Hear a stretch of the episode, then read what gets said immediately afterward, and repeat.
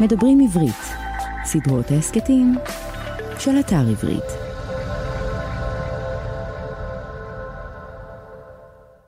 שלום לכולכם, שלום לכולכן, אנחנו הקיפוד והשועל, שמי שמואל רוזנר ותודה שהצטרפתם. אנחנו במהדורת קיפשו אקסטרה. מה זה קיפשו אקסטרה? מהדורה שלא מן המניין. במניין הקבוע יש לנו הסכת פעם בשבועיים. או אורח, אורחת שמדברים על ספרים שבחרו, או שאני מופיע סולו. האורח האחרון שלנו היה חתן פרס נובל, פרופסור דני שכטמן. הסולו האחרון שעלה לפני כמה ימים עסק בפילוג של ממלכת יהודה וממלכת ישראל. האקסטרה הוא אקסטרה, מחוץ למניין, והיום נשוחח בו עם עופר אדרת. למעשה את האקסטרה הזה הבטחנו להעלות קצת מהר יותר, אבל התעכבנו בגלל התנפלות פתאומית של קורונה. יש דבר יותר רטרו מקורונה? כך או כך לעופר אדרת יש ספר חדש, אולי שמעתם עליו, זה ספר בסדרת הקיפוד והשועל. הספר נקרא שבע אגדות שלנו, פרקי היסטוריה ישראלית במבט חדש. זה ספר קצר ויפה על דמויות שאתם מכירים וגם על כאלה שאתם אולי פחות מכירים, על טרומפלדור, על חנה סנש, על יאיר שטרן, על מרדכי אנילביץ', גיבורים בשר ודם. הנה קטע קצר מתוך מכתב שמצוטט בספר, בפרק על שיירת הל"ה, השיירה שנשלחה לגוש עציון הנצור בתקופת מלחמת העצמאות, וכל לוחמיה נהרגו בקרב. אחד מלוחמי הל"ה היה טוביה קושניר, חוקר טבע, בוטנאי, הוא גילה כמה מיני כרכומים ויש אצלנו פרחים שנקראים על שמו. יש סיטבנית טוביה, יש נימפית טוביה, יש אירוס טוביה. האירוסים נקשרים בזיכרונו של קושניר בזכות שירה המצמרר של נעמי שמר בכל שנה בסתיו גיורא. זמזמו לעצמכם את השורה מתוכו. טוביה מגדל עדיין איריסים שחורים ונדירים. זה טוביה קושניר, משיירת הל"ה, שמופיע בשיר של שמר וגם בספר של אדרת, רק לרגע קצר. הנה, כך נכתב עליו בספר. במכתב האחרון כתב כי אינו רואה את עצמו כגיבור. והנה ציטוט מן המכתב. כאן, בינות לסופות חורף ורוחות סוערים, רוגעים אף ימות שמש, ימי אביב הרים, בין מפלשי החורש ובנות לצוקים עולות בנות החן, אלה פרחי הזוהר אשר להרים. הנה כאן הטבע כבימים ימימה בשלו, ואף האדם, וכנראה גם הוא כבימים ימימה בשלו. ואין הערכים מזדהים. אם גם יודע אני שהמעשה שאני עושה הוא היחיד העלול לתת עתה לנער יהודי קורטוב של סיפוק, הרי על אף כל זאת נשארים הימים האפורים, כי אין אני רואה את עצמי גיבור חיל, אף שיודע אני שמעשים שעלול אני לבצע מחר מחרתיים, יתוארו כמאוד עזים. שבע אגדות שלנו. על כריכתו האחורית כתבתי כך: עופר אדרת מתאר את האגדות שלנו בניחוחות של מי שהגיבורים הללו הם כאילו מכריו הוותיקים, והוא עושה זאת בעדינות של כלים שבירים שצריך לנער מהם אבק. והוא שואל שאלות קשות, בלי התרסה או כעס, והוא נותן תשובות מורכבות על מה שמניע בני אדם לפעולות יוצאות דופן, ברגעים יוצאי דופן. הוא עושה את מה שצריך לעשות מי שרוצה להבין את האגדות שלו, את הגיבורים שלו, כל כך רחוקים, כל כך אנושיים. אז הנה שיחה עם עופר אדרת, כתב לענייני היסטוריה בעיתון הארץ, מחבר של ספר חדש. נדבר קצת על הספר שכדי להיחשף באמת לכל השפע שיש בו תצטרכו לטרוח ולקרוא, נדבר הרבה גם על דברים אחרים, על סודות מדינה ששמורים בכספות, על התלבטויות של דמויות מופת, על ציונות וצדקת הדרך, על ישראלים והבנת ההיסטוריה, על האובססיה שלנו עם השואה, על מה לומדים מהעבר, על ההווה. זו שיחה שמתחילה, גם את זה צריך לומר, זו שיחה שמתחילה במלך אחשורוש. נשתף אתכם בהתלבטות. הקלטנו את השיחה לפני כמה שבועות ודיברנו ממש בתחילתה על ידיעה מרתקת. כתובת חשובה ונדירה הנושאת את שמו של המלך הפרסי דריווש הראשון, אביו של אחשורוש המוכר ממגילת אסתר, שנחשפה על ידי מטיילים בגן הלאומי תל לכיש, המזוהה עם העיר המקראית לכיש. מעשה שטן, יום אחרי שהקלטנו, רק יום אחרי, התברר שהתגלית היא תרמית. בעצם לא תרמית, סתם רשלנות שלא נבדקה היטב. רשות העתיקות הודיעה שהחרס שנמצא על ידי מטיילים בתל לכיש הנושא את הכיתוב דריה בשנת 24 אינו אותנטי. מה קרה? הייתה איזה חוקרת שחרתה על חרס כדי להדגים משהו לתלמידים והשאירה את החרס באתר ומטיילים אחרים מצאו אותו ורשות העתיקות החליטה שמדובר בממצא ראוי לפרסום. זה כמובן מעלה הרבה שאלות על כל מיני ממצאים כאלה ואחרים. בכל מקרה אנחנו נשארנו עם בעיה. האם למחוק את ראשית השיחה, שבה אנחנו מדברים על התגלית הנפלאה הזאת, או להשאיר אותה כפי שהייתה, כולל הדיבור המופרך על כתובת חרס מופרכת. מה אתם הייתם עושים? מעניין אם תסכימו איתנו. כאמור, פותחים באחשוורוש שאיננו אחשוורוש, נדגיש שוב, איננו אחשוורוש, ואז מתגלגלים לטרומפלדור, לבית הספר התיכון ללי דייוויס, לנתניהו, לממשל הצבאי, להיסטוריה של סין, למנחם בגין, לדוד בן גוריון, לקפי מנהיג מחתרת הלח"י, לילדי תימן ועוד ועוד. עופר אדרת, מיד אחרי האות.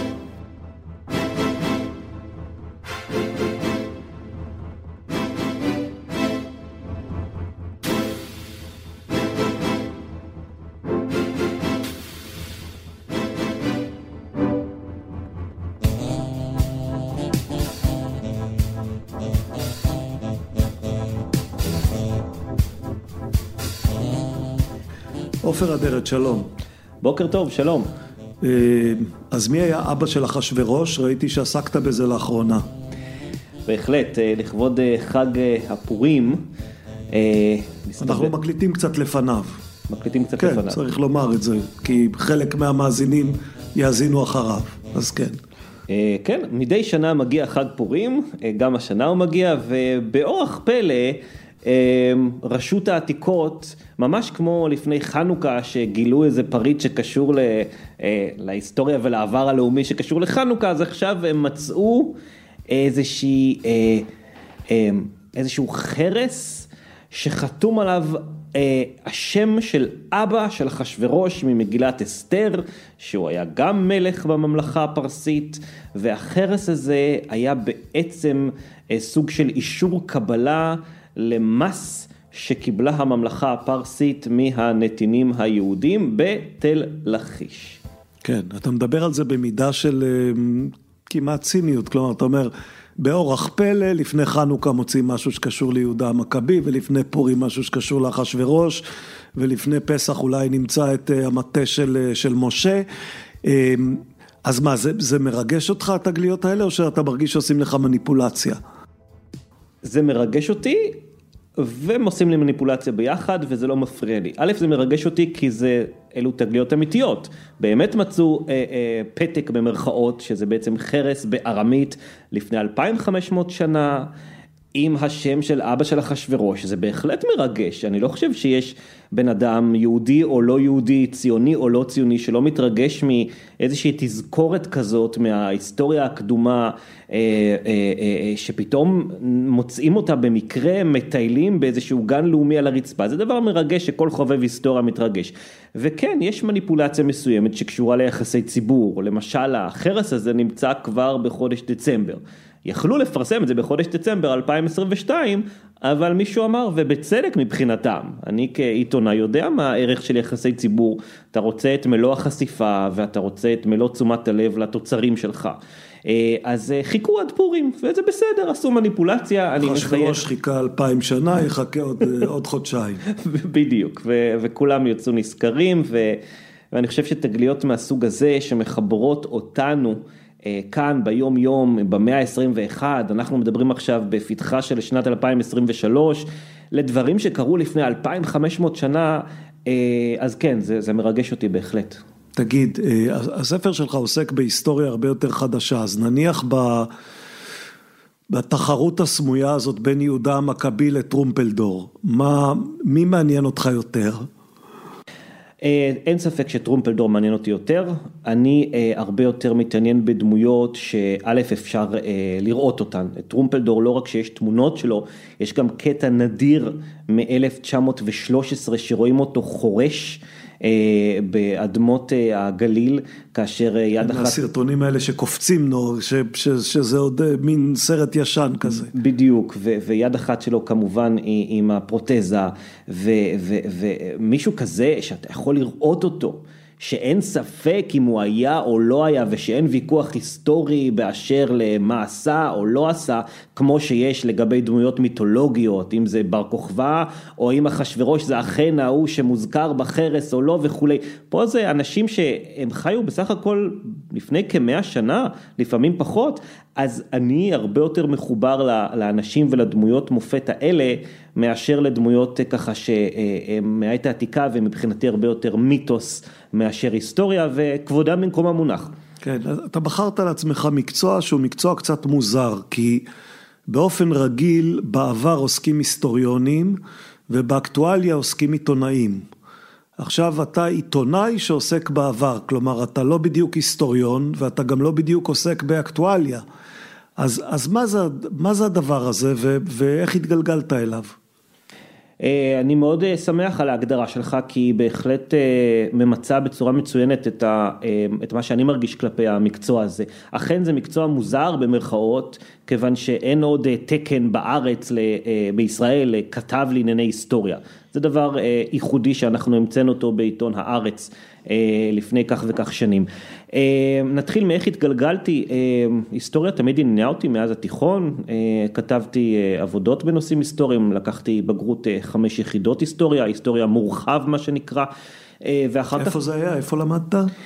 לא רחוק מאיפה שאנחנו מקליטים את הפודקאסט בתיכון ליידי דייוויס. אה, ממש ליידי... פה מעבר לפינה, יש לי בן שלמד שם. כן, אחד מהם. שכונת כן. נאות אפקה בתל אביב, אה, אה, לא בית ספר יוקרתי במיוחד ולא בית ספר מעניין במיוחד ואפילו המבנה שלו שתוכנן. אחד כאילו... המכוערים. לא רק המכוערים, גם המאיימים והפשוט לא נעימים לסטודנט, לסטודנט, לתלמיד. אה, אה, להסתובב בהם, הוא נראה כמו כלא, כמו כן, מבצר. מי שלא מכיר, זה מפלצת של בטון חשוף. אה, בטון חשוף, כן, עם מבוכים בתוכו, רציתי להגיד גם דרקונים, אבל אני חס על כבודם של המורים שחלקם עדיין בחיים, גם אחרי 20 ומשהו שנה שסיימתי את הלימודים. בכל מקרה, אז שם התחלתי את העניין בהיסטוריה, ואחר כך אה, אה, באוניברסיטה אה, למדתי תואר ראשון ושני באוניברסיטת תל אביב, התמקדתי בהיסטוריה של גרמניה הנאצית ובהיסטוריה של המאה ה-20. אבל אני חייב לומר שהעניין העניין שלי בהיסטוריה באמת התחיל אה, אחרי הלימודים. כלומר בלימודים האקדמיים אתה מאוד אה, אה, אה, עסוק בלרצות את המרצה שלך ולקבל את הציון שלך ולסיים את התואר וללכת הביתה ו, ו, ו, ואתה חייב לקרוא את המאמר הספציפי שנתנו לך ולהגיש את העבודה הספציפית ולא תמיד הנושא מעניין ולא תמיד העבודה מעניינת. פתאום אחר כך כשהתפנה לי זמן לקרוא ספרים בעצמי, ללכת ולבחור מה שמעניין אותי ספציפית בספריות או בחנויות ספרים או באתרי ספרים שאפשר לקרוא אונליין, פתאום נפתח לי עולם שלם ואמרתי לעצמי, א', אני מרגיש שבזבזתי גם הרבה כסף וגם הרבה זמן על לימודים שחלקם בכלל לא עניינו אותי. ועכשיו יש לי את ההזדמנות סוף סוף להעשיר את הדעת שלי אה, בנושאים ספציפיים שאני בוחר. אה, זה לגבי איך התגלגלתי למקצוע. עכשיו לגבי ספציפית. אני, אני אעצור לפ, לפני זה, באת לכאן לפני, אה, לא יודע מה, 20 דקות, ובמדף ספרי הכיפות והשועל שלפת את הספר אה, עשרה קיסרים על קיסרי רומי, ואמרת את זה אני אקח. אה, אז מכל התקופות ההיסטוריות, מה... רומי לקחת כי זה הספר שיש, אבל לא לקחת את ההיסטוריה של סין, אז למה זה ולא זה? שאלה מצוינת. אה, יכולתי גם לקחת את שניהם ואתה גם היית מסכים אני מניח, אבל אמרתי לעצמי בזמן הפנוי המעט שיש לי, אה, האם יותר חשוב לי כרגע אה, להעשיר ולהעמיק את ידיעותיי על העת העתיקה ביוון וברומא או על סין ואמרתי לעצמי ככה סין אה, בהחלט נושא חשוב אבל הוא כל כך זר לי שכרגע אני מעדיף עוד לא לצלול אליו אלא לסגור כמה קצוות שחסרות לי בנושא של קיסרים בעולם העתיק. למדתי על זה באוניברסיטה יש לי קצת ידע אבל לא מספיק טוב.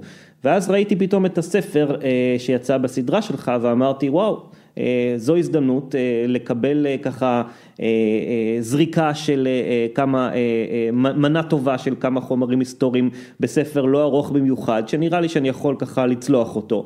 את סין נשאיר לפנסיה. לפנסיה, אוקיי. אז היית באמצע התיאור של איך, איך, איך, איך הומצא אה, עופר אדרת עיתונאי לענייני היסטוריה. כן, אז אה, חוץ מהעניין שלי בהיסטוריה שתיארתי אותו, היה לי גם עניין בעיתונות. אה, זאת אומרת, גם בבית ספר התיכון ערכתי את העיתון של, של בית הספר לידי דייוויס, ובמקביל עבדתי במחלקת הנוער של כל ישראל ברדיו, ומאוד אהבתי את הנושאים האלה של תקשורת, של לדבר, של לכתוב, של לבטא את עצמי. אה, ואז אה, אמרתי לעצמי, אחרי שהתחלתי לעבוד בהארץ, בהתחלה בדסק החדשות, בתפקידי עריכה של אקטואליה, שזה פוליטיקה, וזה פלילים, וזה כל הדברים, ה, אתה יודע, הלא נעימים האלה של היום יום שלנו. אמרתי באיזשהו מקום יש לי פה הזדמנות אה, לאחד בין שני התחומים האלה וכמו שאמרת בצורה מצוינת לעשות משהו שלא נעשה עד כה, כלומר להתעסק בהיסטוריה אבל בלי מגבלות של היסטוריון ולהתעסק בעיתונות, אבל בלי, מותר להגיד מילה לא נעימה? תגיד מה שאתה רוצה. בלי כל החרא של היום אה, אה, יום, הכבד, המעיק. הכל כך לא נעים הזה של פוליטיקה ומלחמות ופלסטינים וחרדים ויהודים וכל הדברים האלה שכל כך גועשים כל היום. ואז אמרתי, ניקח את האהבה להיסטוריה וננסה להנגיש אותה בכלים עיתונאיים לקהל הרחב. אה, כלומר, להיות איזשהו מתווך בין ההיסטוריון שמבלה את לילותיו וימיו אה, אה, בספריות ובארכיונים ובמחקרים, וכותב איזשהו ספר שלפעמים הוא מצוין ולפעמים הוא פחות נגיש ונעים, ורוב האנשים, מה לעשות, אני יודע את זה מעצמי, לעולם לא יהיה להם את הזמן לשבת לקנות ולקרוא ספר של 600 או 1200 עמודים בנושא היסטורי מסוים. וכאן נכנסתי אני וניסיתי להמציא איזושהי נישה שבעצם אה, תיקח את הנושא ההיסטורי ותנסה להנגיש אותו לקהל הרחב אה, בצורה נקרא לזה יותר פופולרית, יותר נינוחה, אה, אני חושב ומקווה שבחלק מהמקרים גם יותר מעניינת. אבל, אבל בתור אסקפיזם מהאקטואליה אני לא יודע כמה זה עובד, כי באת לכאן הבוקר אחרי שהגשת כתבה על אה, אה, פרקים מתוך, טוב אתה תתאר את זה, כלומר מישהו שכח, מישהו שכח למחוק כל מיני דברים לא נעימים שמושלים ישראלים אמרו על הנתינים הפלסטינים ביהודה ושומרון. אה, כן, רק לא יהודה ושומרון, אלא מדובר פה על הממשל הצבאי. אה, אז הממשל הצבאי בתוך מדינת ישראל. בדיוק, אה, אוקיי. על ערביי ישראל בין שנות ה... אה, מסוף מלחמת העצמאות ועד סוף שנות ה-60. וזה בעצם הרבה יותר מעניין מאשר יהודה ושומרון, כי פה מדובר על אזרחים ישראלים, לכאורה, לכאורה אנשים כמוני וכמוך עם תעודת זהות אה, כחולה ישראלית שווי זכויות, אה, כמו שאנחנו יודעים המצב הוא לא כל כך פשוט, וארכיון המדינה עשה איזושהי טעות, אה, טעות טכנית לכאורה, הם במקום לצנזר את הקטעים שהם התבקשו לצנזר בתוך כ-200 עמודי פרוטוקול של דיונים של ועדת שרים לענייני הממשל הצבאי, אה, הם קיבלו הוראה לצנזר ממשרד ראש הממשלה שהם כפופים לו, במקום לצנזר הם העלו את הכל פתוח. וגם שכחו על הדרך את הוראות הצנזורה.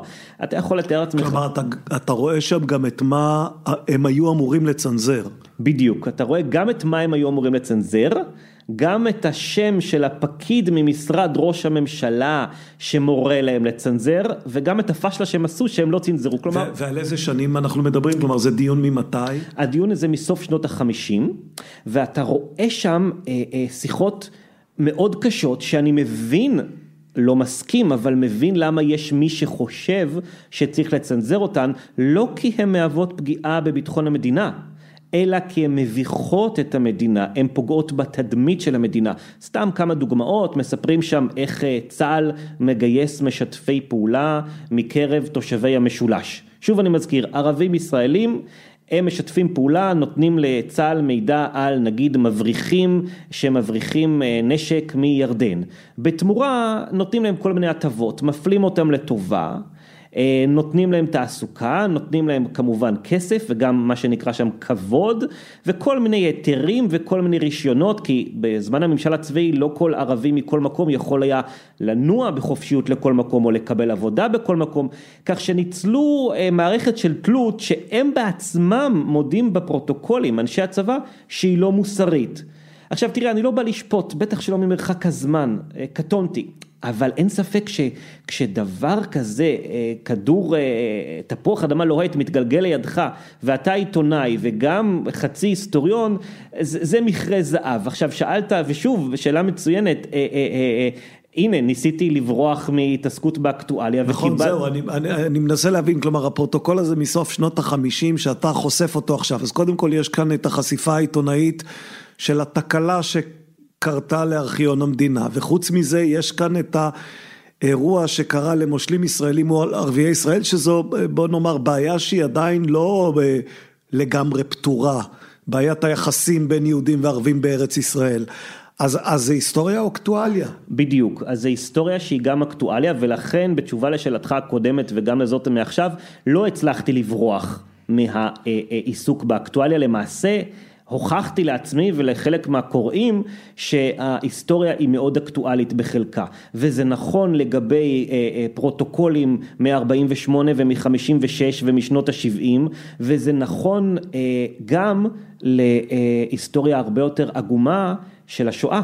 למשל, כשאתה חושב שעיסוק, נגיד עכשיו, אנחנו נמצאים לקראת 80 שנה למרד גטו ורשה. כן, יש לך פרק, פרק בספר שלך על מרד גטו ורשה, שהוא פרק, הייתי אומר, מצמרר, שוב, זה לא מצמרר בענייני שואה, כלומר, מהשואה הצטמררנו כבר מאלפי אה, אה, כתבות ואלפי ספרים.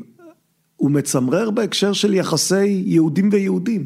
בדיוק, והוא מצמרר גם בהיבט האקטואלי. כלומר, הוא מסביר לך בפרק הזה, בספר החדש, אני מסביר איך שורשי האיבה והשנאה התהומית שהיום ממש מתפוצצים לנו בפנים בעודנו מדברים בין ימין לבין שמאל, בין אחים יהודים מקצוות אידיאולוגיים שונים אבל שכולם יהודים, אה, איך הם החלו אה, עוד שנים לפני קום המדינה ואיך אפילו נוכח השואה, האירוע הטרגי הנוראי ביותר גם בתולדות האנושות כולה וקל וחומר בתולדות העם היהודי, אפילו נוכח השואה והאיום הקיומי המוחשי על פני אנשים כפרטים ועל פני עם ועל פני אומה, הם לא השכילו, אנשי השומר הצעיר משמאל ואנשי בית"ר מימין, לשתף פעולה, לאחד כוחות ולהילחם ביחד לנאצים. אפילו אז, תחת החרב של הנאצים, הם המשיכו לריב ולהתקוטט ביניהם בעניינים אידיאולוגיים,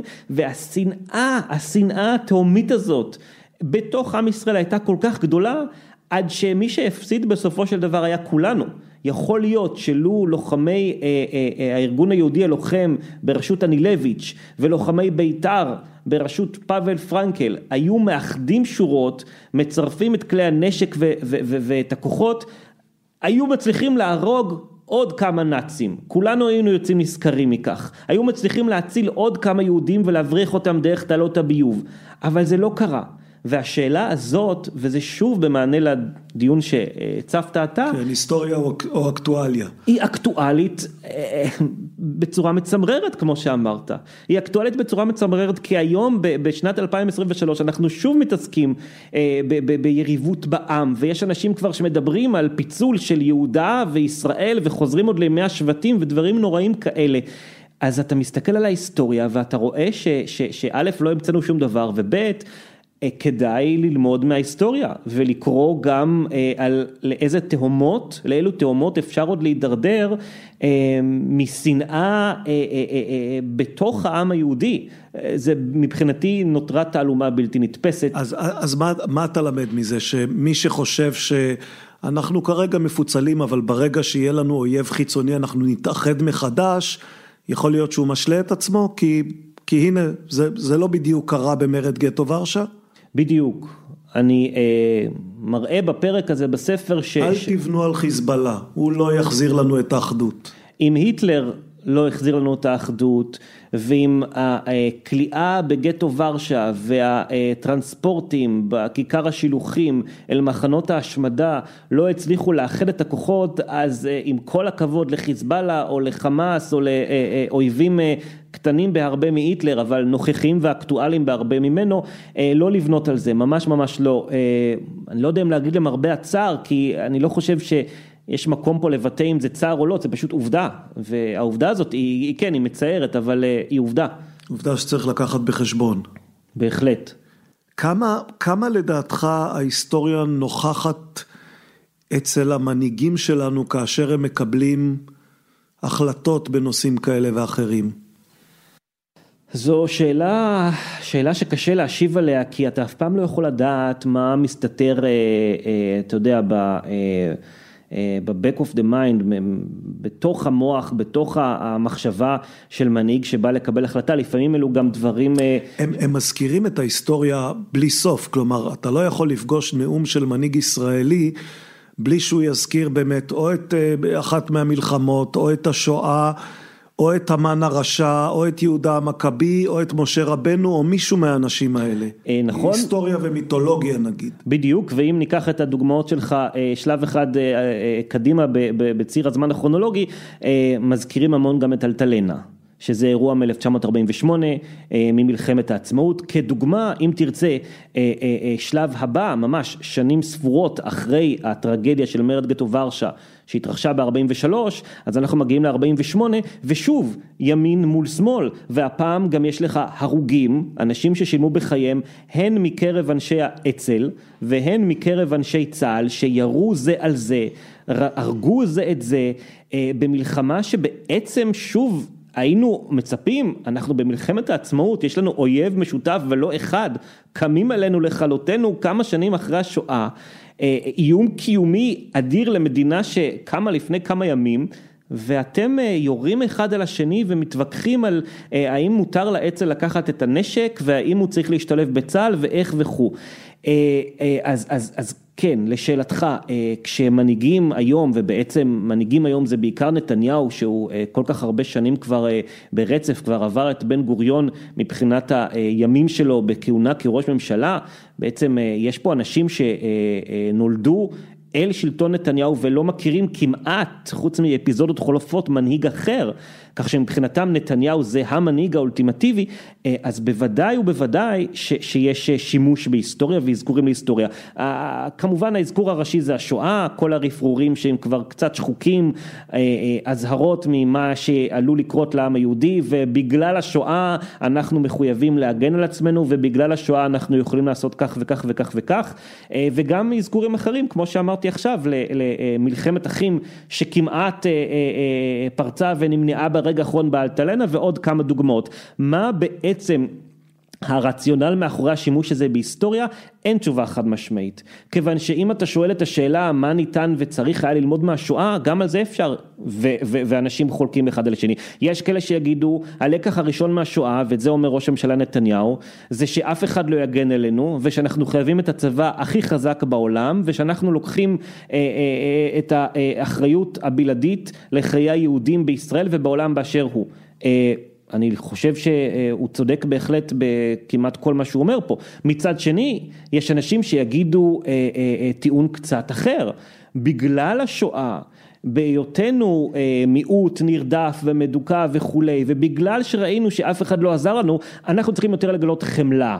כלפי עמים אחרים, כלפי מיעוטים אחרים, כלפי נרדפים אחרים, בין אם זה עכשיו באוקראינה ובין אם זה פלסטינים בכל מיני מקומות אחרים. קשה מאוד להתווכח ולהגיד מי צודק, יש פה הרבה טיעונים וכשבאים לבחון את ההיסטוריה ולנסות להסיק ממנה מסקנות, בעצם כל אחד יכול לקחת איזה כיוון שהוא רוצה ולהשתמש בה לצרכיו הוא. יש היסטוריון ישראלי די מוכר, אני לא, לא אזכיר את שמו כי לא ביקשתי רשות להשתמש בדבריו, אבל אמר לי לפני כמה ימים שהוא חושב שאחת הסיבות לתגובה המבוהלת של הרבה מאוד ישראלים למה שנקרא הרפורמה המשפטית, זה זיכרון השואה, כלומר הלקח שצרוב בנו, החשש הזה מפני מהפך שלטוני פתאומי שירה את מצבנו בבת אחת, הוא אומר באיזשהו אופן יכול להיות שאנחנו כולנו שרוטים בעניין הזה, זה לא שהוא תומך ברפורמה המשפטית, ההיסטוריון הזה בוודאי מתנגד לה, אבל הוא אמר, אני לוקח בחשבון את האפשרות שגם אני מגזים בתגובה שלי בגלל שגם אני צרוב תודעתית מזיכרון השואה. אני מסכים לגמרי עם הדברים ואחר כך אני אשאל אותך גם בסוד מי היה היסטוריון אחרי שנסגור את המיקרופונים, אה, אבל אה, אני יכול לומר עוד משהו בנושא הזה. אני מרגיש שהשימוש שעושים גם בתקשורת וגם בפוליטיקה אה, בזיכרון השואה כדי להלך אימים על מה שקורה היום הוא מוגזם. אתן לך דוגמה, לפני כמה ימים אה, היו פרעות נוראיות ואיומות בכפר הערבי אה, הפלסטיני חווארה. Okay. כן. אה, אה, אה, שרפו שם בתים, מכוניות, נהרג שם פלסטין, זאת אומרת, עשו שם דברים איומים, אני לא חושב שיש בן אנוש, לא משנה אם הוא ימין או שמאל, שיכול לומר, למרבה הצער דווקא ראינו שהיו בני אנוש שאמרו שזה בסדר, אבל בן אדם ש, שהוא באמת אנושי לא יכול לשמוח ולחייך כשהוא רואה דבר נורא מהסוג הזה. אבל לכנות את זה פוגרום ליל הבדולח אה, ולהשוות את מה שעשו החוליגנים, אה, אה, הפושעים, האנשים האיומים, הטרוריסטים היהודים, אפשר לכנות אותם כך, להשוות אותם לנאצים, מבחינתי זה מיותר. זה מיותר, זה לא נותן שום דבר, אה, בעצם מה האפקט שרוצים להשיג פה? רוצים להשיג פה עוד כותרת בעיתון.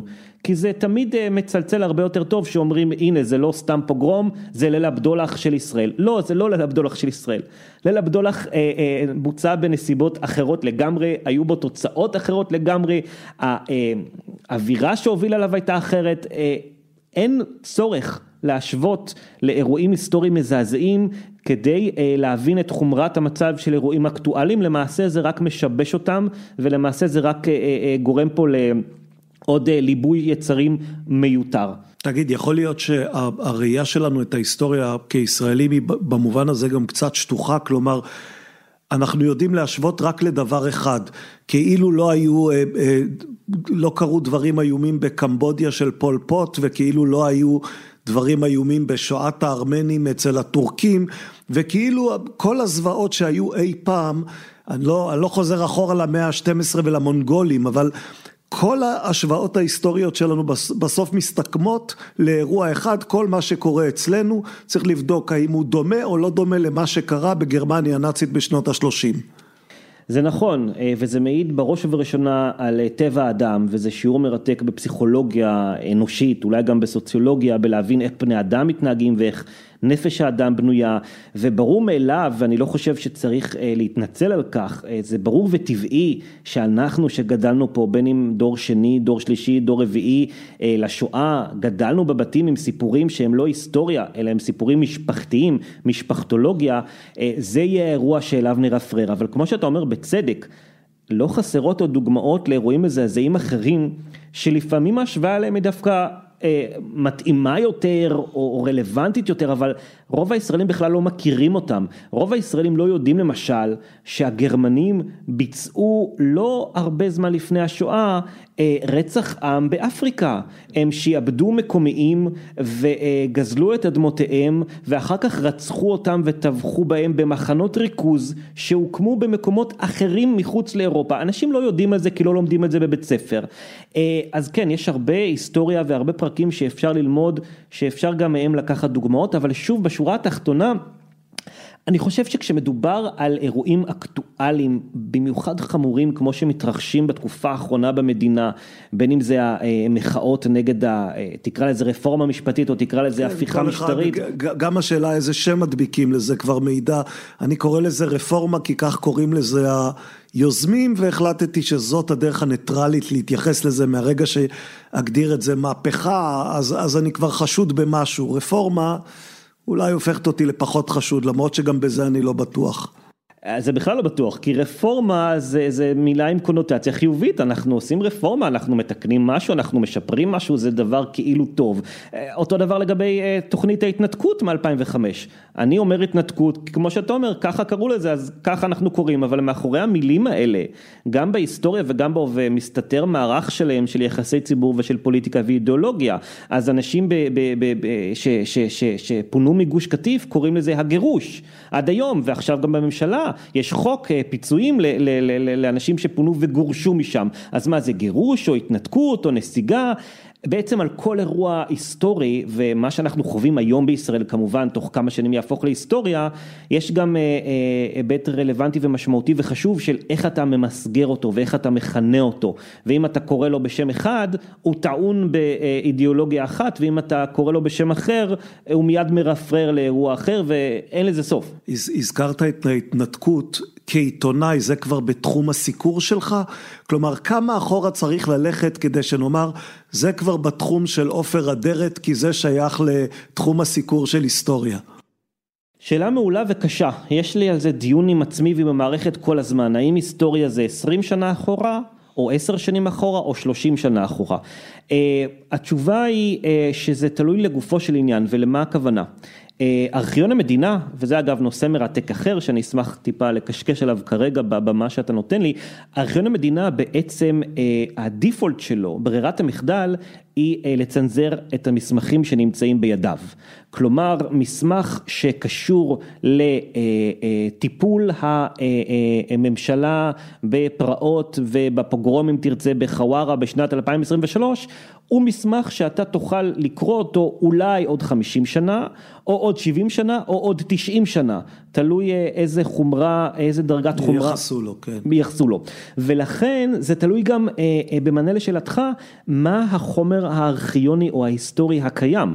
אם אנחנו אומרים עכשיו למשל שההתנתקות אירעה ב-2005, אז מטבע הדברים רוב החומר שכיסה את ההתנתקות מבחינה היסטורית, כלומר פרוטוקולים של דיוני ממשלה, עדויות של אנשים מהשב"כ או מצה"ל או מהמשטרה, חקירות, דברים כאלה לא זמינים בכלל, כך שאני גם ככתב היסטוריה, בהינתן שאני חי בישראל שהיא מדינה שמפעילה צנזורה כבדה על מסמכים, לא יהיה לי בכלל את החומר ולכן זה לא יהיה היסטוריה עד שהחומר לא יתחיל להיחשף, זה ייקח עוד כמה עשרות שנים. אז בואו נדבר על הצנזורה הזאת ואני אנסה להיות הסנגור של מדינת ישראל ואני אומר כך, זה יפה שעופר אדרת מאוד רוצה לדעת מה קרה לפני עשר שנים ולקרוא את הפרוטוקולים של הממשלה מלפני עשרים שנה. אבל אולי למדינת ישראל באמת אין שום אינטרס, שוב, מעבר לסיפוק יצר הסקרנות שלנו, אין לה שום אינטרס לחשוף את המסמכים האלה, לא אחרי עשרים שנה ולא אחרי חמישים ולא אחרי שבעים, ולמה בעצם, או מכוח מה אתה בא בתביעה למדינת ישראל, שתיתן לך לקרוא מסמכים שלא יביאו בחשיפה שלהם שום תועלת למדינה? או-הו, זו שאלה כבדת משקל. כן, כן, נו, ב... אז בוא, אז בוא, אז בוא תנמק, בוא תתקוף. תראה, אני לא רק עיתונאי ולא רק היסטוריון, אני גם ישראלי ויהודי וציוני. אני האחרון שארצה לגרום נזק למדינת ישראל, גם אם יש לי ביקורת עליה כמו לרבים מאזרחיה על תחומים מסוימים, אני חי פה, אני מגדל פה את בני ואולי בעתיד עוד ילדים, אני רוצה להמשיך לגור פה, אין לי אינטרס בכך שהמדינה תפגע בעצמה. מה יש לי כן אינטרס? בכך שאני, ילדיי, בעתיד קוראי הספר ואנשים אחרים יוכלו לדעת מה קרה פה. ומה קרה פה זו שאלה שהיא קריטית אה, אה, ליכולת שלנו לפתח אה, את העמדות ואת הדעות שלנו, לבחור אם אנחנו מעדיפים את הצד השמאלי או הימני של המפה. אם אין לנו את המידע, אם אין לנו את הפרוטוקולים, אם אין לנו את חילוקי הדעות שהיו פה, עזוב את ההתנתקות עכשיו, בוא נלך אחורה. יש מסמכים רבים מאוד משנת 48, השנה אנחנו מציינים 75 שנה למלחמת העצמאות ולקום המדינה. מסמכים רבים מהתקופה הזאת עדיין מצונזרים. אני יכול לומר לך בוודאות של אלף אחוז, גם בתור מי שקרא את המסמכים האלה בגרסה הלא מצונזרת, גם בתור מי ששירת בחטיבת המחקר של אמ"ן ויודע מה פירוש מסמכים שמסכנים את ביטחון המדינה ויודע מה זה חומר סודי שחשיפתו באמת יכולה לגרום פה לעלות בחיי אדם. אין דבר וחצי דבר בין ציטוטים מפרוטוקולים של ישיבות ממשלה מ-48 ובין הגנה על חיי אדם בשנת 2023. אז הנה בוא, בוא, בוא ניקח דוגמה קונקרטית, הזכרנו קודם את הציטוטים שאתה חושף שבטעות לא צונזרו מתוך דיונים בשנות החמישים על ערביי ישראל. אז הציטוטים האלה קצת יביכו את מדינת ישראל, כי לא נעים שכך דיברו על אזרחי המדינה לפני כך וכך עשרות שנים. אני נוטה להסכים איתך שהסכנה למדינת ישראל היא לא סכנה גדולה, כלומר, בסדר, אז יהיו כמה אנשים שיגידו הנה ההוכחה שהייתם גזענים, או הנה ההוכחה שלא התייחסתם אלינו כאל שווי זכויות, מה שדי ברור ביחס לשנות החמישים. אה, מה התועלת שאנחנו מפיקים מהחשיפה הזאת? התועלת היא קודם כל אה, אה, לתת לאנשים, לציבור הרחב, לא רק לחוקרים והיסטוריונים ועיתונאים, לציבור הרחב, לתת לו את המידע לתת לו אה, אה, את הגישה, לתת לו את השקיפות למה שקרה כאן. אנחנו לא יכולים לומר, יש פרקים בהיסטוריה שלנו, ושוב, אני לא מדבר על היסטוריה של לפני 20 שנה, שאולי עוד רלוונטית למה שקורה היום מבחינת, אה, אה, אה, אתה יודע, כאן ועכשיו. אני מדבר על היסטוריה לפני 75 שנה, המעורבים, האנשים שדיברו עליה, האנשים שדיברו עליהם כבר אינם בחיים. הנזק היחיד שיכול להיגרם זה מבוכה כללית למדינה.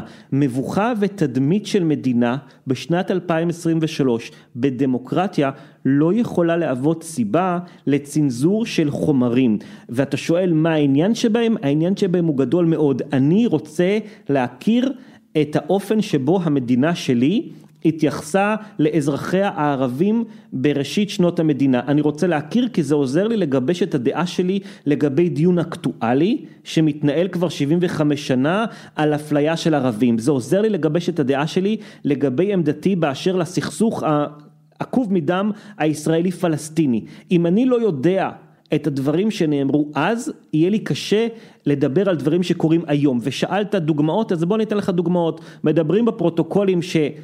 ארכיון המדינה אה, אמור היה לצנזר אבל בעצם שכח לצנזר ובזכות זה אנחנו מדברים עליהם פה היום. כן, עד, ש, עד שהשיחה תעלה לאוויר הכתבה כבר תתפרסם בעיתון הארץ כך שאנשים אולי כבר קראו אבל בוא תספר לנו אה, אה, למי שלא הספיק. אולי כבר קראו ואולי אז כבר צנזרו והורידו את הכתבה אה, אה, אה, מדרישה של הצנזור.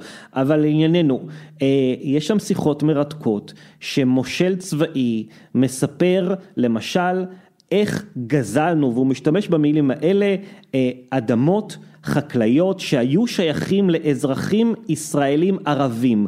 איך באו ואמרו להם, אתם לא יכולים להיות פה עכשיו, בגלל שזה שטח צבאי סגור, והוא מספר שם, השתמשנו במונח שטח צבאי סגור כתירוץ, כדי להקים על השטח הזה יישוב יהודי. היה לנו חשוב להקים יישוב יהודי במקום היישוב הערבי, אז אמרנו להם שיש סיבות צבאיות.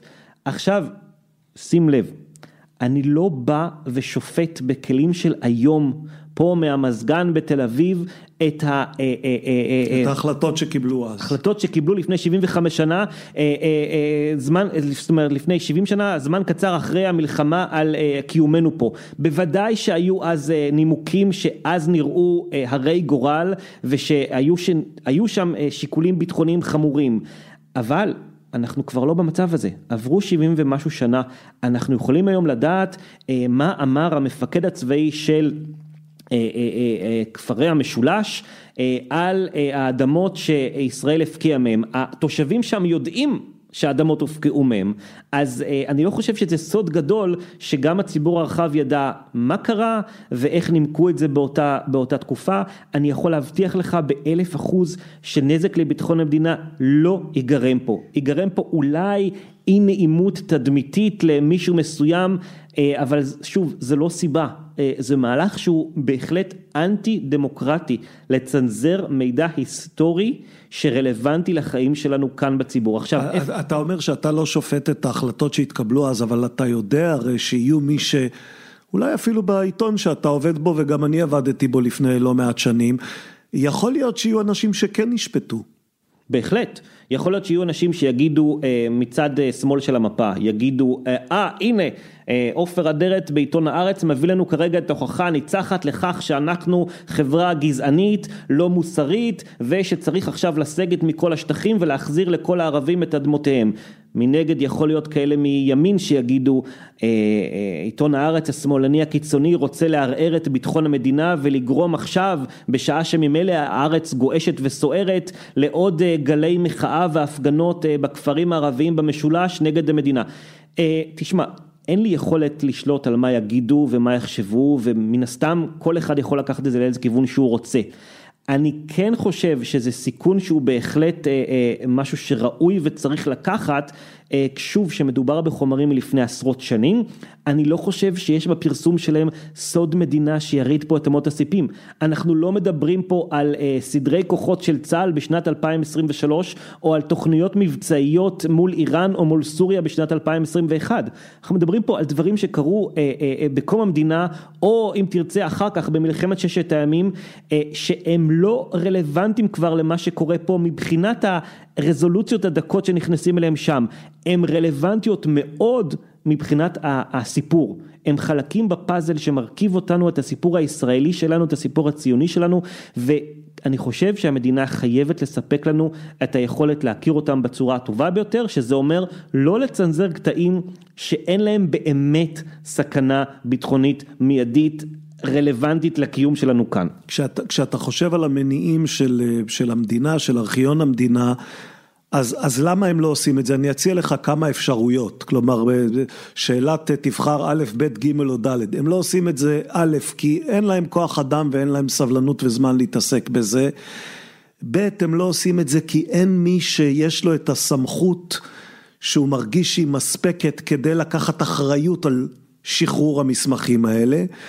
ג' הם לא עושים את זה כי הם תאבי כוח והם אה, אוהבים להחזיק את המסמכים סגורים כי זה נותן להם שליטה על משהו שאם הם ישחררו אותם לא תהיה להם שליטה. וד' הם לא עושים את זה כי הם אומרים אם יש ספק אין ספק, כלומר נכון אני לא בטוח שזה יגרום נזק אבל אני גם לא במאה אחוז משוכנע שזה לא יגרום נזק ולכן אני מעדיף להשאיר את זה סגור, אז, אז, אז איזו תשובה נכונה או היי אף אחת מאלה. כל התשובות נכונות חוץ מתשובה ג', אם אתה זוכר בעצמך מה הייתה תשובה ג', תשובה ג' שלך הייתה ששיכרון כוח אה, מונע מהם לפתוח את המסמכים ורצון להחזיק אותם סגורים אצלם. זו התשובה הכי מטרידה, אז אותה דווקא אתה מסיר מהפרק. אני מסיר אותה בלי צד של ספק כי אני מכיר את הנפשות הפועלות בארכיון המדינה, עובדים שם אנשים טובים כמוני, כמוך, ימין, שמאל, דתיים, חילוניים, חרדים, זה בכלל לא משנה. לא אמרתי ערבים, אני חושב שאין שם ערבים, אבל יתקנו אותי אם אני טועה. אה, עובדים שם אנשים מכל גווני הקשת הפוליטית של החברה הישראלית. אין פה אינטרס למישהו ספציפי לא לחשוף את החומר. כן, כל, ש... כל שאר הדברים שאמרת נכונים. יש חשש, יש אה, אה, אה, אה, אה, אולי איזושהי מבוכה לקחת אחריות יותר מדי גדולה, ואולי גם פשוט אה, תשובות אה, טכניות משעממות. אין כוח אדם לקרוא עכשיו... אה, 20 אלף אה, אה, עמודים של פרוטוקולים, אז עדיף לנו לצנזר כבר קטעים נבחרים או בכלל לא להעלות אותם. אה, רוב המסמכים שמגיעים לארכיון המדינה רובם המוחלט באחוזים עצומים בכלל לא נסרקים ולא עולים, כלומר זה לא שהם מצונזרים בתוכם, הם אפילו לא עוברים את השלב של להגיע לבחור מה כן ומה לא. כן, אז זה קשור גם לכוח אדם וגם לפחד רגיל. מ, מ לא, למה להתעסק בזה בכלל, עזבו אותנו. מהניסיון שלך, מה יש שם, בוא נשים בצד נניח את, לא יודע, סודות הגרעין של מדינת ישראל. כמה דברים יש שם מלפני 50 שנה או 60 שנה שבאמת יטלטלו את אה, אמות הסיפים? אה, שאלה מצוינת, ששאלתי אותה גם את אה, גנזי המדינה לדורותיהם, כלומר האנשים, מנהלי ארכיון המדינה שראו את כל החומרים. טוב, גם הם לא ראו את הכל, כי הרי כמו שאתה אומר, חלק גדול מהארגזים האלה, אין מי שפותח אותם וקורא אותם מתחילתם ועד סופם. אז כאן גם צריך להפריד, יש הרבה חומרים שכלל לא מגיעים לארכיון המדינה, המוסד והשב"כ. מחזיקים ארכיונים פרטיים במרכאות פיראטיים אצלהם אה, בתחום האפור של החוק, שכלל לא רק שלא מגיעים לארכיון המדינה, גם לא יודעים מה יש בהם, אפילו לא מבחינת, מבחינת קטלוג. אז אה, לכאורה יכול להיות שבאחד הארגזים במרתפי השב"כ והמוסד יש איזשהו סוד שיטלטל את כולנו, אבל שוב, אפשר גם ללמוד מקונטקסט של מסמכים אחרים אה, שכן חשופים, או כאלה שהצלחתי לראות בגלל פשלה כזאת או אחרת של ארכיון, או כאלה שראו מנהלי ארכיונים ואמרו לי, תשמע, אה, אין שום סוד שיפיל אותך ואותי מהכיסא. זאת אומרת, לא תמצא שם איזושהי הוראה מפורשת, נגיד בפרשה כואבת אחרת אזרחית, פרשת ילדי תימן, שיש שם מכנים אותה חטיפה ויש שם מכנים אותה העלמה, ושוב אנחנו מדברים פה על הניואנסים של איך אתה משתמש בשם כדי לקבוע את עמדתך האידיאולוגית בנושא. ילדי תימן ש... כמה... איך אתה אגב מכנה את הפרשה הזאת? אני מכנה אותה פרשת ילדי תימן הנעלמים, כיוון שהעובדה היא שחלקם אכן נעלמו, מה זה להיעלם? זה אומר שהיו להם אבא ואימא שלא ידעו לאן נעלמו ילדיהם. למה אני לא מכנה אותה חטיפה? ושוב, כי לא... אתה לא יודע שהייתה חטיפה. כי מכל המסמכים הארכיונים שנחשפו בשנים האחרונות, ובעצם נחשף כמעט כל החומר האפשרי בנושא, חוץ מזה שאנחנו לא יודעים אם הוא בכלל קיים, אבל תיאוריות קונספירציה אפשר לתת על כל דבר שבעולם, לא נמצא שום אקדח מעשן שאומר שהייתה פה חטיפה. אבל שוב, זה נושא אולי לשיחה אחרת, כי זה נושא מאוד מאוד כאוב ורגשי ומאוד מאוד גדול. אני משתמש בו כרגע במענה לשאלתך, כדי להדגים את העובדה שהנה, נגיד בפרשה הזאת, שלכאורה יכולת לומר, בארכיון המדינה הסתתר מסמך בחתימתו של בן גוריון שאומר, נא לחטוף חמישה ילדים תימנים. לא, לא נמצא מסמך כזה, וגם לא יימצא מסמך כזה. למה? גם אם יש אירוע מאוד מאוד חמור בתולדות המדינה, שהיית אומר, אם נחשוף את הסוד הזה, ירעדו אמות הסיפים, מן הסתם הוא לא יקבל ביטוי במסמך שישמר בארכיון. הוא יקבל ביטוי אולי בשיחה בעל פה, אולי בקודים, אולי היה מסמך שמישהו כבר מזמן דאג לגרוס או להשמיד, כך שאין ולא יהיה בארכיון מדינת ישראל ככל שידוע לי וככל שידי משגת איזשהו מסמך שאתה תגיד וואו, עד לרגע זה, עד לרגע חשיפתו, חיי היו ככה, ומהרגע הבא חיי היו ככה. מה כן יש? המון מסמכים שמאפשרים לך לחדד את ההבנה. שמאפשרים לך לראות כיוונים נוספים של מחשבה, באשר לפוליטיקאים שלנו שהיו פה בעבר, משמאל ומימין, באשר לאירועים מכוננים שהיו פה בעבר, בין אם זה משפט אייכמן ובין אם זה רצח קסטנר ובין אם זה טבח כפר קאסם ובין אם זה בדיר יאסין, יש פה לא חסרים פה אירועים ממלחמת העצמאות ועד ימינו אנו שהיו מספיק חשובים, קריטיים ולעיתים למרבה הצער מדממים כדי שיהיה מעניין להכיר איך הם נראו מאחורי הקלעים. אבל סוד מדינה אפל מהסוג שאתה חושב נצפו חייזרים בדימונה מעל הכור הגרעיני, לא, אתה לא תמצא דבר כזה שם. התפקיד שלך, התחלנו לדבר על זה, הוא בעצם לתווך היסטוריה לציבור רחב. כלומר, אתה לא ההיסטוריון שחוקר את ההיסטוריה, באמת יושב בארכיונים ומבלה את כל זמנך רק בחקר, אלא אתה אדם שמבלה חלק מזמנו בחקר, אבל חלק ניכר מזמנו בתיווך. אז, אז אני אשאל על זה שתי שאלות, אחת עלתה מתוך תשובתך בעניין ילדי תימן, האם, האם פרשת ילדי תימן היא לא הוכחה ששום תיווך של היסטוריה לא משנה את, את המציאות במובן זה שאנשים חושבים מה שהם חושבים ושום עובדות לא ישנו את דעתם? זו שאלה קשה, אבל אני חושב דווקא שהעובדה שההיסטוריונים, בוא נגיד הרציניים מהמיינסטרים ולא קיצוניים, הזויים, קונספירטיביים, ככאלה לא חסרים בשום תחום. ההיסטוריונים המיושבים בדעתם שבחנו את החומר בפרשת ילדי תימן הגיעו למסקנה שלא הייתה חטיפה ממוסדת ממלכתית כפי שיש הטוענים עד היום. האם הצליחו לשכנע בזה את העם או לא? אני לא חושב שאני ואתה יודעים. אם אתה מתבסס על כמה קולות צעקניים ברשתות החברתיות אז יש הרבה ארגונים של משפחות שקשורות לטרגדיה הזאת ש, שעדיין צועקים שיש פה חטיפה ויש פה קונספירציה. אני לא חושב שמייצגים את מה שהעם עצמו מרגיש, אם תעשה סקר נרחב בקרב כל אוכלוסיית ישראל, אני לא בטוח שאוכלוסיית ישראל ברובה תגיד שהייתה פה חטיפה, וגם אם כן, זה עדיין לא משחרר אותנו מהחובה לפרסם ולחקור ולהעמיק, גם אם לא הצלחנו לשכנע, גם אם נכשלנו בתיווך מסוים, עצם העובדה שהחומר הזה רואה אור יום והשמש יכולה קצת להקרין מקרניה ולטהר אותו ולטהר את החשש לאיזשהו אירוע נורא וקונספירטיבי זה טוב. ואם הלא משוכנעים לא ישכנעו עכשיו אלא יעברו עוד דור או עוד שני דורות עד שבניהם ונכדיהם יקראו את החומר וישתכנעו זה גם בסדר. אין לנו תמיד שליטה מוחלטת על מה אנשים חושבים כשהם מעיינים בחומר אה, היסטורי או בחומר אקטואלי, אבל כן יש לנו חובה להגיש ולהנגיש אותו בצורה הטובה ביותר האפשרית, זו, זו דעתי. עכשיו ש, שאלה שנייה בעניין התיווך, בהנחה שאתה מכיר את המתווכים, כלומר אתה, אתה כותב לבני אדם, אתה אמור לדעת מה מעניין אותם, אז כמה ישראלים מתעניינים בהיסטוריה וכמה הם יודעים על ההיסטוריה? או-הו. אה, ישראלים מתעניינים בהיסטוריה, אני חושב, הרבה יותר מעמים אחרים.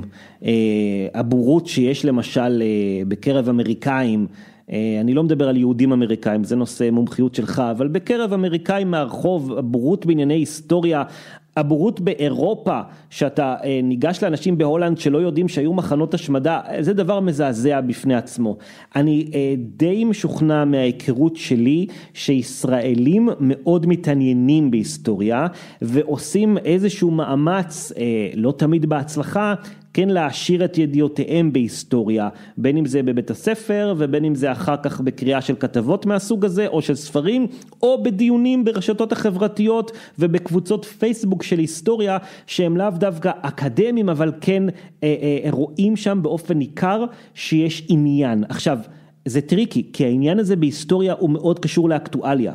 הוא הרבה פעמים לחפש את האירועים והצידוקים ההיסטוריים. כלומר זה לחזור לאלטלנה כדי להגיד הנה אתם עשיתם לנו קודם. בדיוק, אה, ולמצוא את הצידוק ההיסטורי אה, לדעתך שלך, או למצוא איזשהו אה, רכיב מביך בהתנהגות של בן גוריון, כדי להגיד הנה מפא"י וכל הגנבים והמושחתים והשמאלנים וכולי, או לחפש איזשהו בעיה בהתנהגות של רבין ולהגיד אה כך וכך וכך וכך.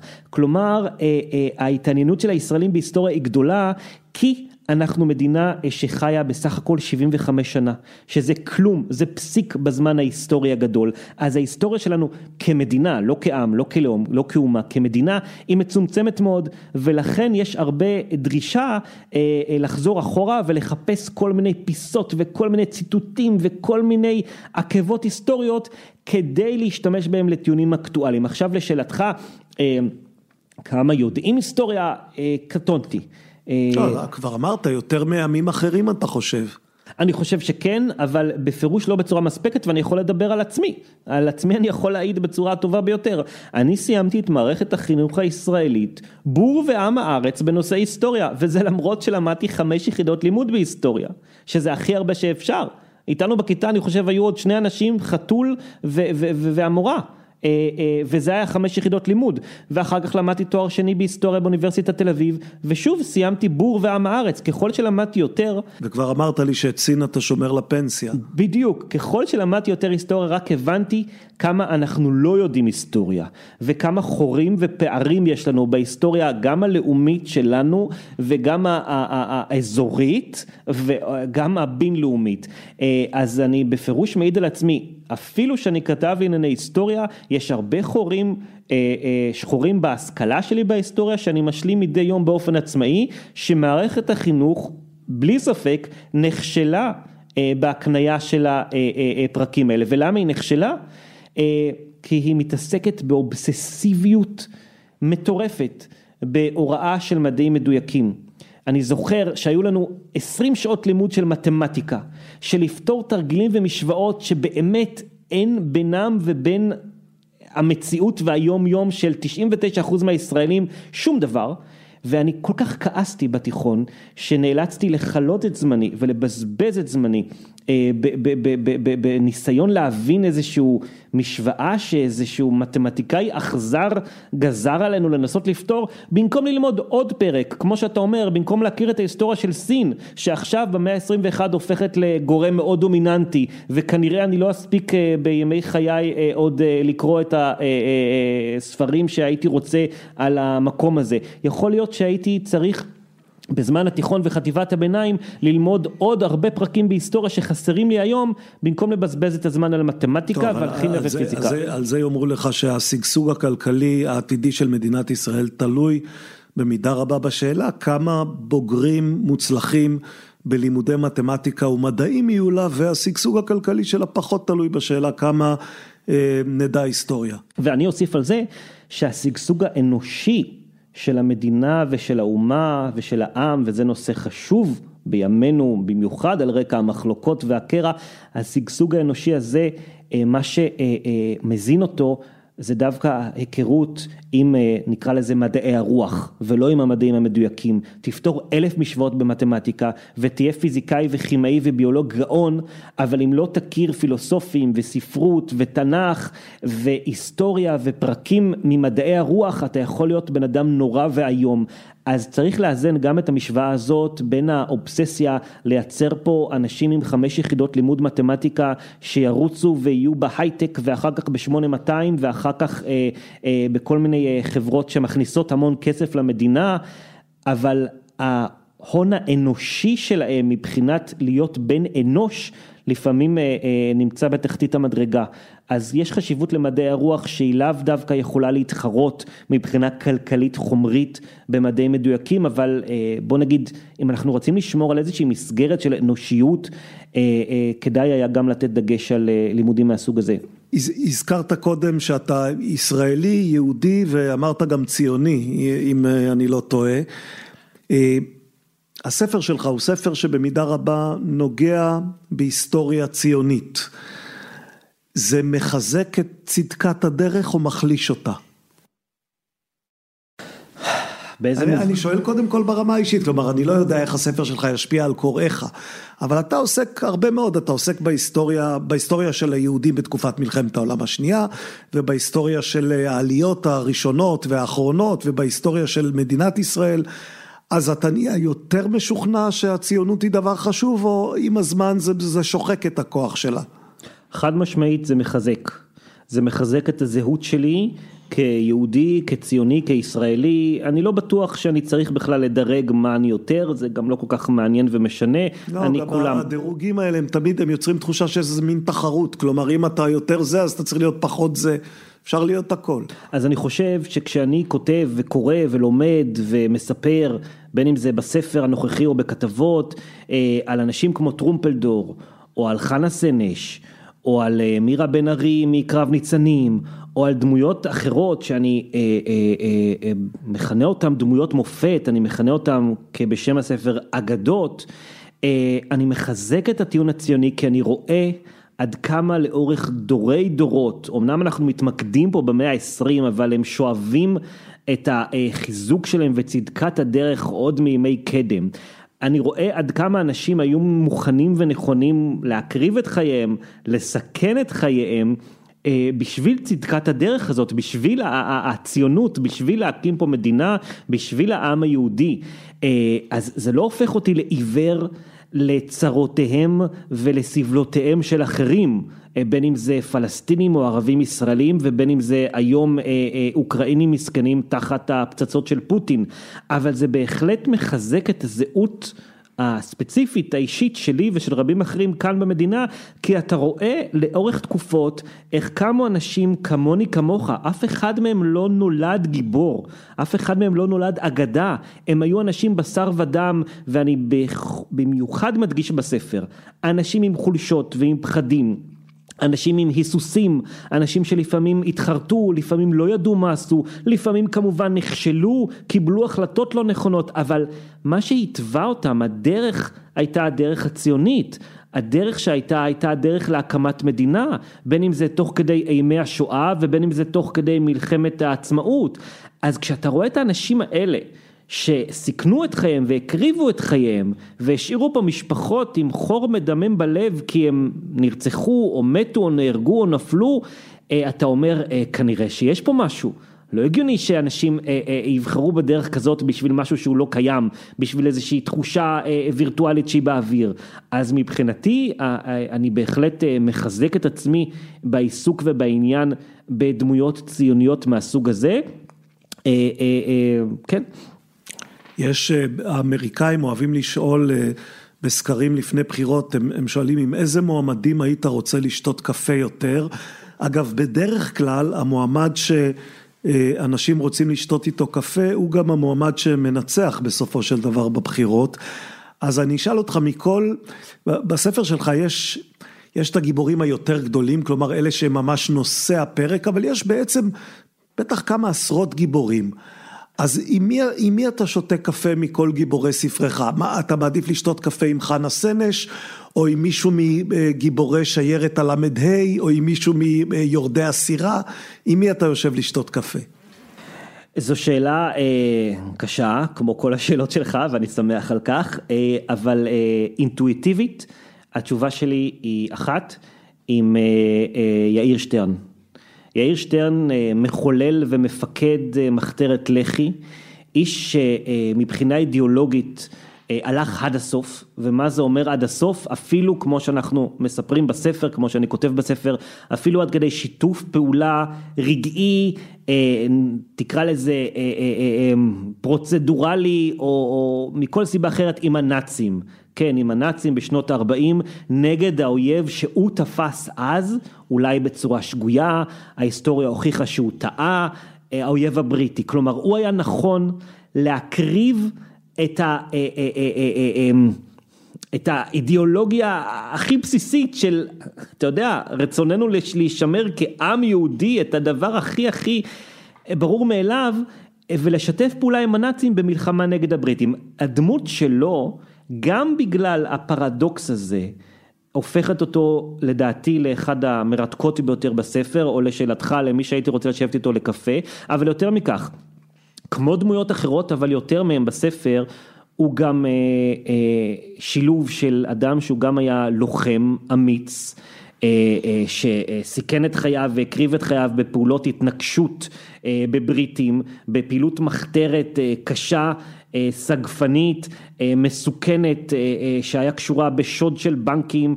ועל הדרך נרצחו גם יהודים חפים מפשע, הרבה דם נשפך שם, אבל הוא גם היה דמות של משורר. הוא כתב שירי אהבה ומכתבי אהבה מרגשים מאוד גם לאשתו ולאם בנו רוני וגם אהבה למולדת ודמות כזאת שהיא שילוב של לוחם שהיה מוכן ללכת לצד הקיצוני ביותר של שיתוף פעולה נבזי ומתועב עם הנאצים אה, אבל הוא לא עשה את זה משנאה לעם היהודי, הוא לא עשה את זה כי הוא היה אה, באידיאולוגיה שלו כמו בזו של היטלר, הוא עשה את זה כי אהבת המולדת שלו אולי העבירה אותו על דעתו אה, עד כדי הקיצוניות הזאת. אולי, אולי הוא היה פשוט קצת מפאיניק, כלומר כל כך פרגמטיסט שהוא הסכים לעשות מה שצריך בשביל מה שצריך, כלומר במה זה שונה מהסכמה של בן גוריון לימים לקחת את כספי השילומים מגרמניה? יש שיאמרו זה בא מאותו מניע. יכול להיות פרגמטיזם זה, זה בהחלט, אה, אה, זו בהחלט תכונה ש, ש, שהיא מרתקת בהיסטוריה, בין אם זה פוליטיקאי שנאלץ להתגמש ולנקוט באופן פרגמטי כדי אה, שהאומה תוכל להתקיים, אם זה בהסכם השילומים שהציל אותנו מקריסה כלכלית. אבל פה יש לך מישהו שהוא לא היה מנהיג האומה, הוא היה מנהיג מחתרת קטנה שנחשבה אז שולית, הוא כונה טרוריסט, אה, הוא, הוא באמת היה איזשהו פושטק רחוב, ככה התייחסו אליו בעיתונים, גם אה, מימין וגם משמאל אה, בזו לו, הוקיעו אותו באותה תקופה. העובדה שהוא בחר בדרך הכל כך קיצונית הזאת, אבל גם המרתקת הזאת, וכן אפשר לומר היא מרתקת למרות שהיא נוראה, הופכת אותו לאישיות אה, אה, יוצאת דופן והייתי מאוד שמח לשבת איתו לקפה וללבן איתו כמה עניינים ואתה יודע. אתה, אתה יכול לדמיין את המפגש הזה, כלומר, אני אעשה לך תרגיל מאוד קשה. הנה, הנה הוא יושב מולך, מה השאלה הראשונה שאתה שואל אותו? אני שואל אותו ככה, אה, יאיר, אנחנו ב-2023, אתה בתחילת שנות 40, לפני שנרצחת ב-42 מכדור של הבריטים, אה, אה, אה, שלח... אגב, אגב אני, אני עושה הפסקה מתודית בעניין הזה, אין לך ספק שהוא נרצח במכוון על ידי הבריטים. יש לי ספק. אבל אני מרשה לעצמי כבר להשתמש בנושא, במילה הזאת של רצח, כיוון שהתוצאה הייתה שהוא הסתתר חסר כל בדירה וכמה וכמה שוטרים ובלשים הגיעו והוא יצא משם עם חורים בגוף, אז אתה יכול לקרוא לזה נהרג, אני כבר מקבל את הגרסה של הימין שהוא נרצח, הגם שאין לנו אה, צילום וידאו מאז שהופץ בוואטסאפ שלא היה קיים אז שמתעד את זה, כמו כל דבר שקורה היום. יפה, סגור סוגריים, חזור לשאלה שאתה שואל אותו. אז השאלה שאני שואל את אה, יאיר שטרן היא כזאת, אה, אתה בתחילת שנות ה-40 לפני שנרצחת מכדור בריטי, שלחת נציגים כדי להיפגש עם גורמים אה, במשטר הנאצי והצעת להם במילותיך שלך שיתוף פעולה אידיאולוגי אידיאולוגי כדי לגרש את הבריטים מהארץ ולשתף כוחות בין יהודים לבין הנאצים. האם עכשיו, לאור מה שידוע, שאולי אז פחות היה מוכר לך, למרות שיש לי בכך ספק, כי אה, מחנות הריכוז, הגטאות, הוקמו כבר אז, יכולת לדעת, אבל נגיד לא ידעת, האם בדיעבד היית משנה את אה, דרכך הזו, או שכל האמצעים היו כשרים ועודם כשרים, בבואנו גם היום ב-2023 לקבל החלטות הרות גורל, אפשר לשים בצד אידיאולוגיות ורגשות ותחושות אה, לאומיות ואישיות כדי להשיג את המטרה בכל מחיר. כלומר, האם אה, אה, המטרה מקדשת את האמצעים בכל מחיר בלי בכלל להניד עפעף? עכשיו בוא נעשה את אותו תרגיל ואני מושיב אותך לשאול שאלה את חנה סנש.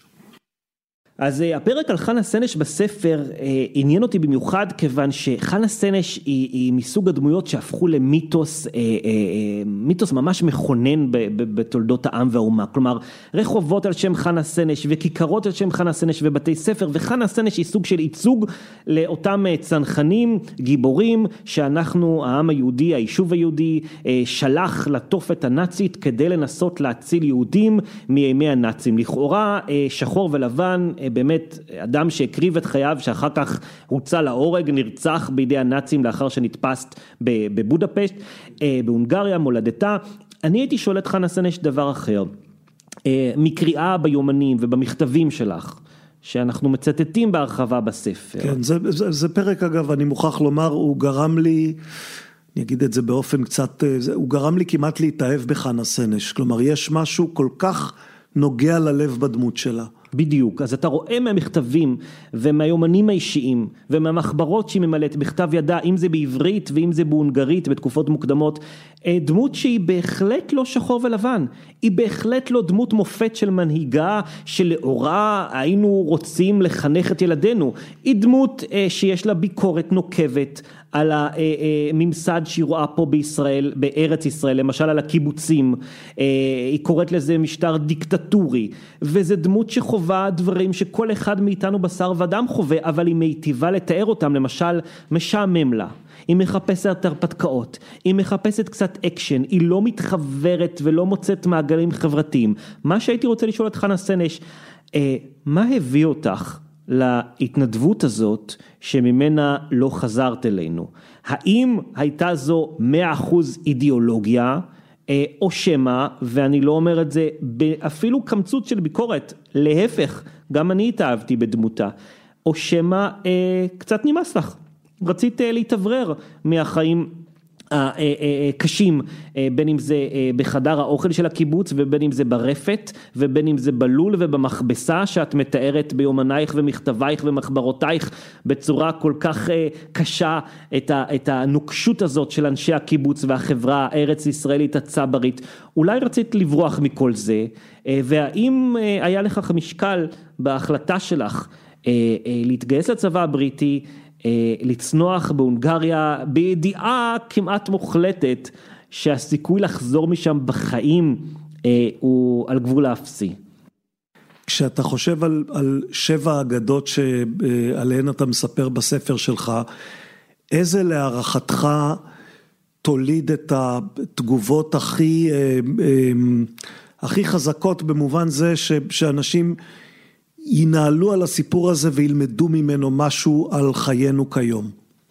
תראה, הסיפור למשל על טרומפלדור, שהוא סיפור בין מאה וכמה שנים, 1920 מתל חי. זה הסיפור שבו אתה פותח את הספר בעצם. נכון, הוא סיפור אה, אה, מכונן גם בגלל שהוא המשפט המיתולוגי, טוב למות בעד ארצנו, שאני די באובססיביות בפרק הזה יורד לפרטי פרטים אה, כדי לבחון ולא נגלה עכשיו לקוראים. לא נגלה אם הוא אמר או לא אמר. אם הוא אמר או לא אמר ואיך אמר ולמה אמר ובאיזה צורה ובאיזה אופן. המשפט הזה, טוב למות בעד ארצנו, הוא בהחלט רלוונטי מאוד גם לשיח של היום. אנחנו מדברים כאן בחודש אה, עכשיו אה, מרץ 2023, כשיש הרבה אנשים שאומרים אנחנו לא, לא מוכנים למות בעד ארצנו. אנחנו אה, נגיד לא אם ניקרא למילואים במלחמה או כדי להגן על ארצנו, אנחנו לא נתגייס. בגלל המחאה החברתית אה, סביב הרפורמה המשפטית או המהפכה המשטרית שכבר דיברנו עליהם. אז, אז, אז ההיבט הזה אני חושב אה, אה, המשפט הנוקב הזה, טוב למות בעד ארצנו, כן או לא, יכול וצריך בהחלט לעורר גם דיון אה, אקטואלי, אבל לא חסרים פרטים אחרים. שוב, אם אנחנו מדברים על היבטים היסטוריים שיש להם גם צד אקטואלי, מה שכבר דיברנו מקודם בפודקאסט הזה, בהסכת הזה, מרד גטו ורשה, אנחנו מראים בפרק איך שנאה באמת בלתי נתפסת בין שמאל לימין אה, תוך כדי הקרבות במרד גטו ורשה מנעה איחוד כוחות בין היהודים ויותר מכך, וזה משהו שלא אמרתי קודם, אה, איך גם עשרות שנים אחרי השואה, כשכבר הייתה פה מדינה ובעצם עד היום יש מי שטורח למחוק את חלקם של אנשי בית"ר, אנשי הימין, מגבורת המרד. זה גם נושא שאנחנו מדברים עליו בספר, וזה גם נושא אקטואלי, של מי שולט בזיכרון, ודרך, הזיכרון ההיסטורי כמובן, ודרך כך מי שולט בשיח האקטואלי. האם אנשי בית"ר היו יותר גיבורים מאנשי השומר הצעיר השמאלנים במרד? אה, אה, שאנחנו יודעים שכמה מהם אה, ברחו דרך תעלות הביוב וניצלו וחיו איתנו עד לשנים האחרונות? האם העובדה שמאנשי בית"ר של פאבל פרנקל האלמוני לא נותר אפילו מנהיג אחד חי אחרי השואה אומרת שהם הקריבו את חייהם בעוצמה גבוהה יותר והאם זה אומר שהימין לדורותיו היה אמיץ יותר והאם זה אומר שהוא היה ציוני יותר? יש פה שאלות שהן מרתקות ורלוונטיות ואקטואליות גם לנו. ואת כל זה אתה שואל כשברקע הפרק מרחפת ההיעדרות של מנחם בגין.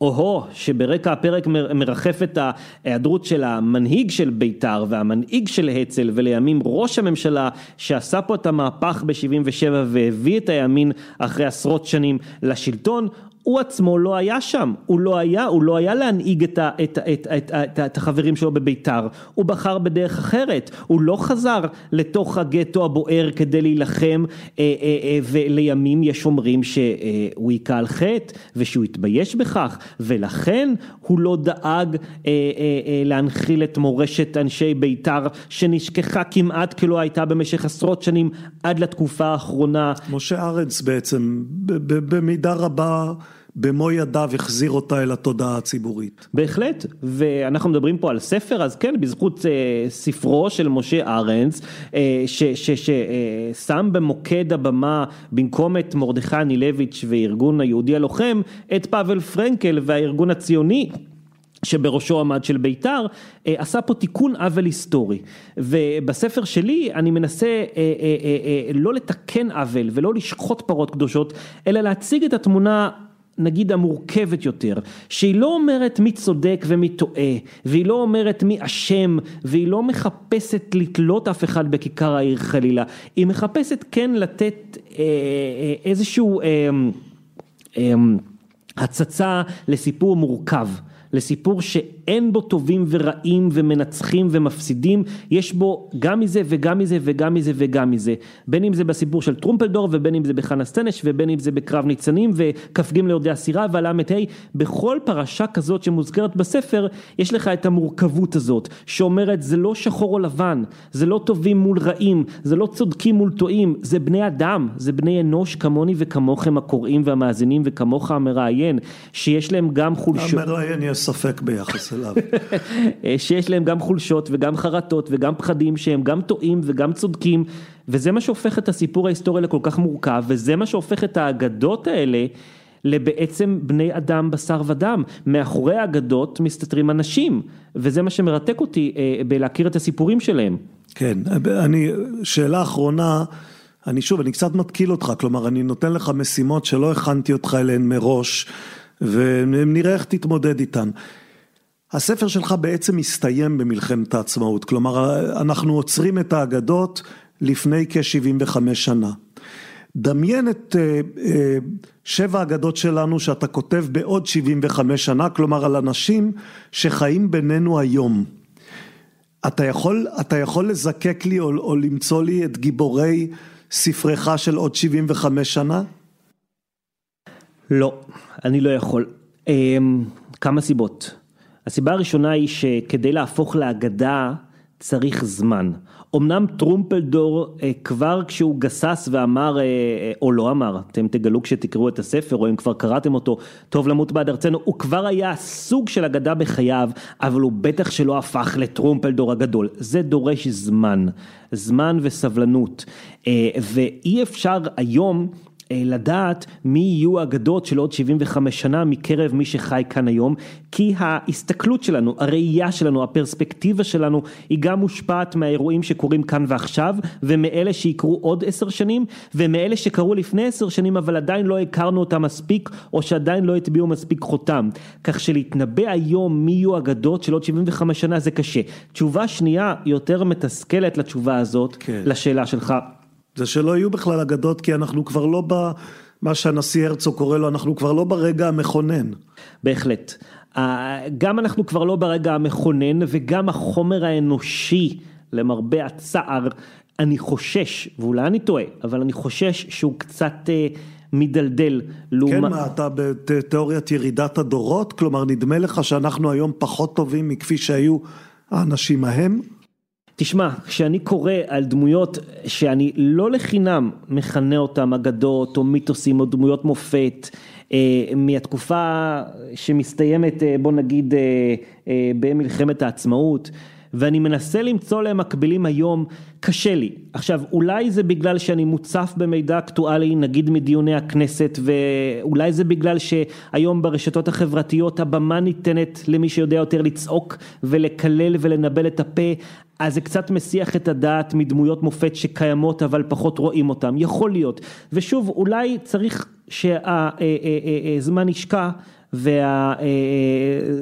שנים יעברו עד שניתן יהיה לאתר עוד כאלה, אבל קשה לי למצוא דמויות שאפשר לכנות אותן אגדות בדור שלנו. אה, קשה לי, אפשר להתווכח על זה ואני בטוח שלכל אחד מהמאזינים אולי יש דוגמאות טובות למישהו שהוא רואה בו אגדה, בין אם זה ממלחמת לבנון השנייה ובין אם זה אה, ממלחמה בעזה ב-2014, או אני מתקשה לראות באנשים מתקופתנו אגדות מהסוג של המאבק על תקומת המדינה והשואה והתקומה ואחריה. כרגע אני מתקשה, אולי אם נדבר עוד כמה שנים אה, אה, זה ישתנה. זה אגב טוב או רע, כלומר זה בטח הופך את העולם למקום קצת פחות מעניין, אבל אולי בעצם מוטב לנו בלי גיבורים ובלי אגדות. אה, שאלה קשה, תשמע, זה הופך את, ה, את העולם למקום הרבה יותר משעמם. אה, אם טוב או רע, אני לא יודע, אני דווקא חושב שיש דבר טוב מאוד אה, באגדות כאלה, שלאורן אפשר אגב, בצדק או שלא, כמו שראינו בכמה וכמה סיפורים מהספר, לחנך דורות. אנחנו צריכים דמויות מופת כאלה, שלאורן אפשר להתכנס כעם וכאומה, אה, ולגדול ולחנך, גם אם אנחנו קצת נוטים לעשות להם מיסטיפיקציה וגלוריפיקציה וכל המילים הלועזיות האחרות האלה, אנחנו כן צריכים איזושהי דמות אגדית שאפשר להתחמם לאורה ולגדול אה, אה, בצילה. והעובדה שאין כאלה, שוב, זה זה לא עניין של שמאל וימין, אין כאלה לא משמאל ולא מימין, שוב בראייתי האישית כל אחד יכול לחלוק עליה, היא קצת מצערת והיא קצת כואבת, כך שאני לא בטוח אה, שזה דבר טוב, דווקא בתקופה הכל כך אה, מטלטלת וסוערת שאנחנו חווים בימים אלו, בעודנו מדברים כאן בהסכת, אולי אם הייתה לנו איזושהי דמות כזאת להתעלות בה ואני באמת מסתכל ימינה ושמאלה ולא רואה, היה קל יותר לצלוח את המשבר הזה שאנחנו לא יודעים איך הוא יסתיים. אה, כך שאגדות אה, הם לא בהכרח דבר שצריך להשאיר אותו לעולם, אתה יודע, המיסטיקה ולעולם הזה של מיתוסים, הם דבר בשר ודם ש, שהיה טוב אם היו לנו גם כמה כאלה, אולי לא שבע אבל אולי מספיק אחת בימינו אנו. עופר אדרת, תודה רבה. תודה רבה לך.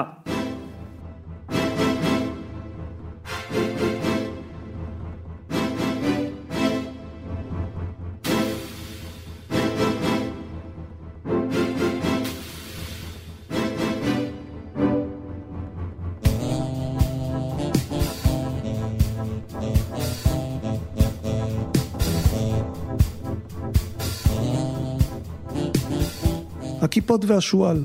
לספר של עופר אדרת קוראים שבע אגדות שלנו. אתם יכולים למצוא אותו בקליק אחד אם תבואו לבקר באתר שלנו, kipshu.com, k-i-p-s-h-u.com. אפשר לרכוש אותו גם ברשתות הספרים ובחנויות הספרים, אפשר באתר של הוצאת כנרת זמורה, אפשר בחנות הספרים עברית. סדרת ההסכתים הכיפות והשועל נעשית בשיתוף עברית, אתר התוכן הספרותי הגדול בישראל המציע לקרוא בכל דרך ספרים דיגיטליים, קוליים ומודפסים, וזאת גם ההזדמנות להודות לצוף וייסבוך, שעוזרת לנו, צוף, מאתר עברית. ואם כבר נשארתם איתנו, נזכיר שהוצאנו החודש עוד ספר חדש, חי של קרל זימר. זה ספר שונה מאוד מזה של אדרת, ספר מסע לפיצוח החידה, מהם החיים. לא במובן הפילוסופי, במובן הביולוגי. מה מבדיל את הארנבת החיה מהקומקום שאיננו חי. ולפני שבע אגדות שלנו, ולפני חי, יצאו אצלנו גם התמונה הגדולה של שון קרול, שיש בו פיזיקה ופילוסופיה. ויצאה סדרה של צירופי מקרים מוצלחים שיש בו גיאולוגיה, אבולוציה וגם קצת הסתברות. כל הספרים שלנו נמצאים באתר הכיפות והשועל, כולם גם בחנויות הספרים, חפשו אותנו, חפשו את הלוגו הקטן של הכיפות והשועל שיהיה עבורנו אמרי זרטל. ואם אתם באים לבקר, יהיה טוב אם תירשמו לניוזלטר. תקבלו אותו פעם בחודש, לא יותר, ותוכלו להתעדכן גם איזה ספרים יצאו, גם איזה הסכתים חודשו, וגם להציץ בקריקטורות של הכיפות והשועל. יש דבר כזה, נעמה בן זימן איירה אותם. זהו, עד כאן אקסטרה. עוד כמה ימים נוסיף פרק חדש עם אורח או אורחת. טוב, למה אני אומר או-או? זה יהיה אורח, אז עוד כמה ימים נוסיף פרק חדש עם אורח שידבר על שלושה ספרים מרתקים. מקווים שהייתה האזנה טובה, שעה טובה, יום טוב, שבוע טוב, חודש טוב. אביב הגיע, נכון? או כמעט הגיע. גם פסח כמעט בא. להשתמע בקרוב.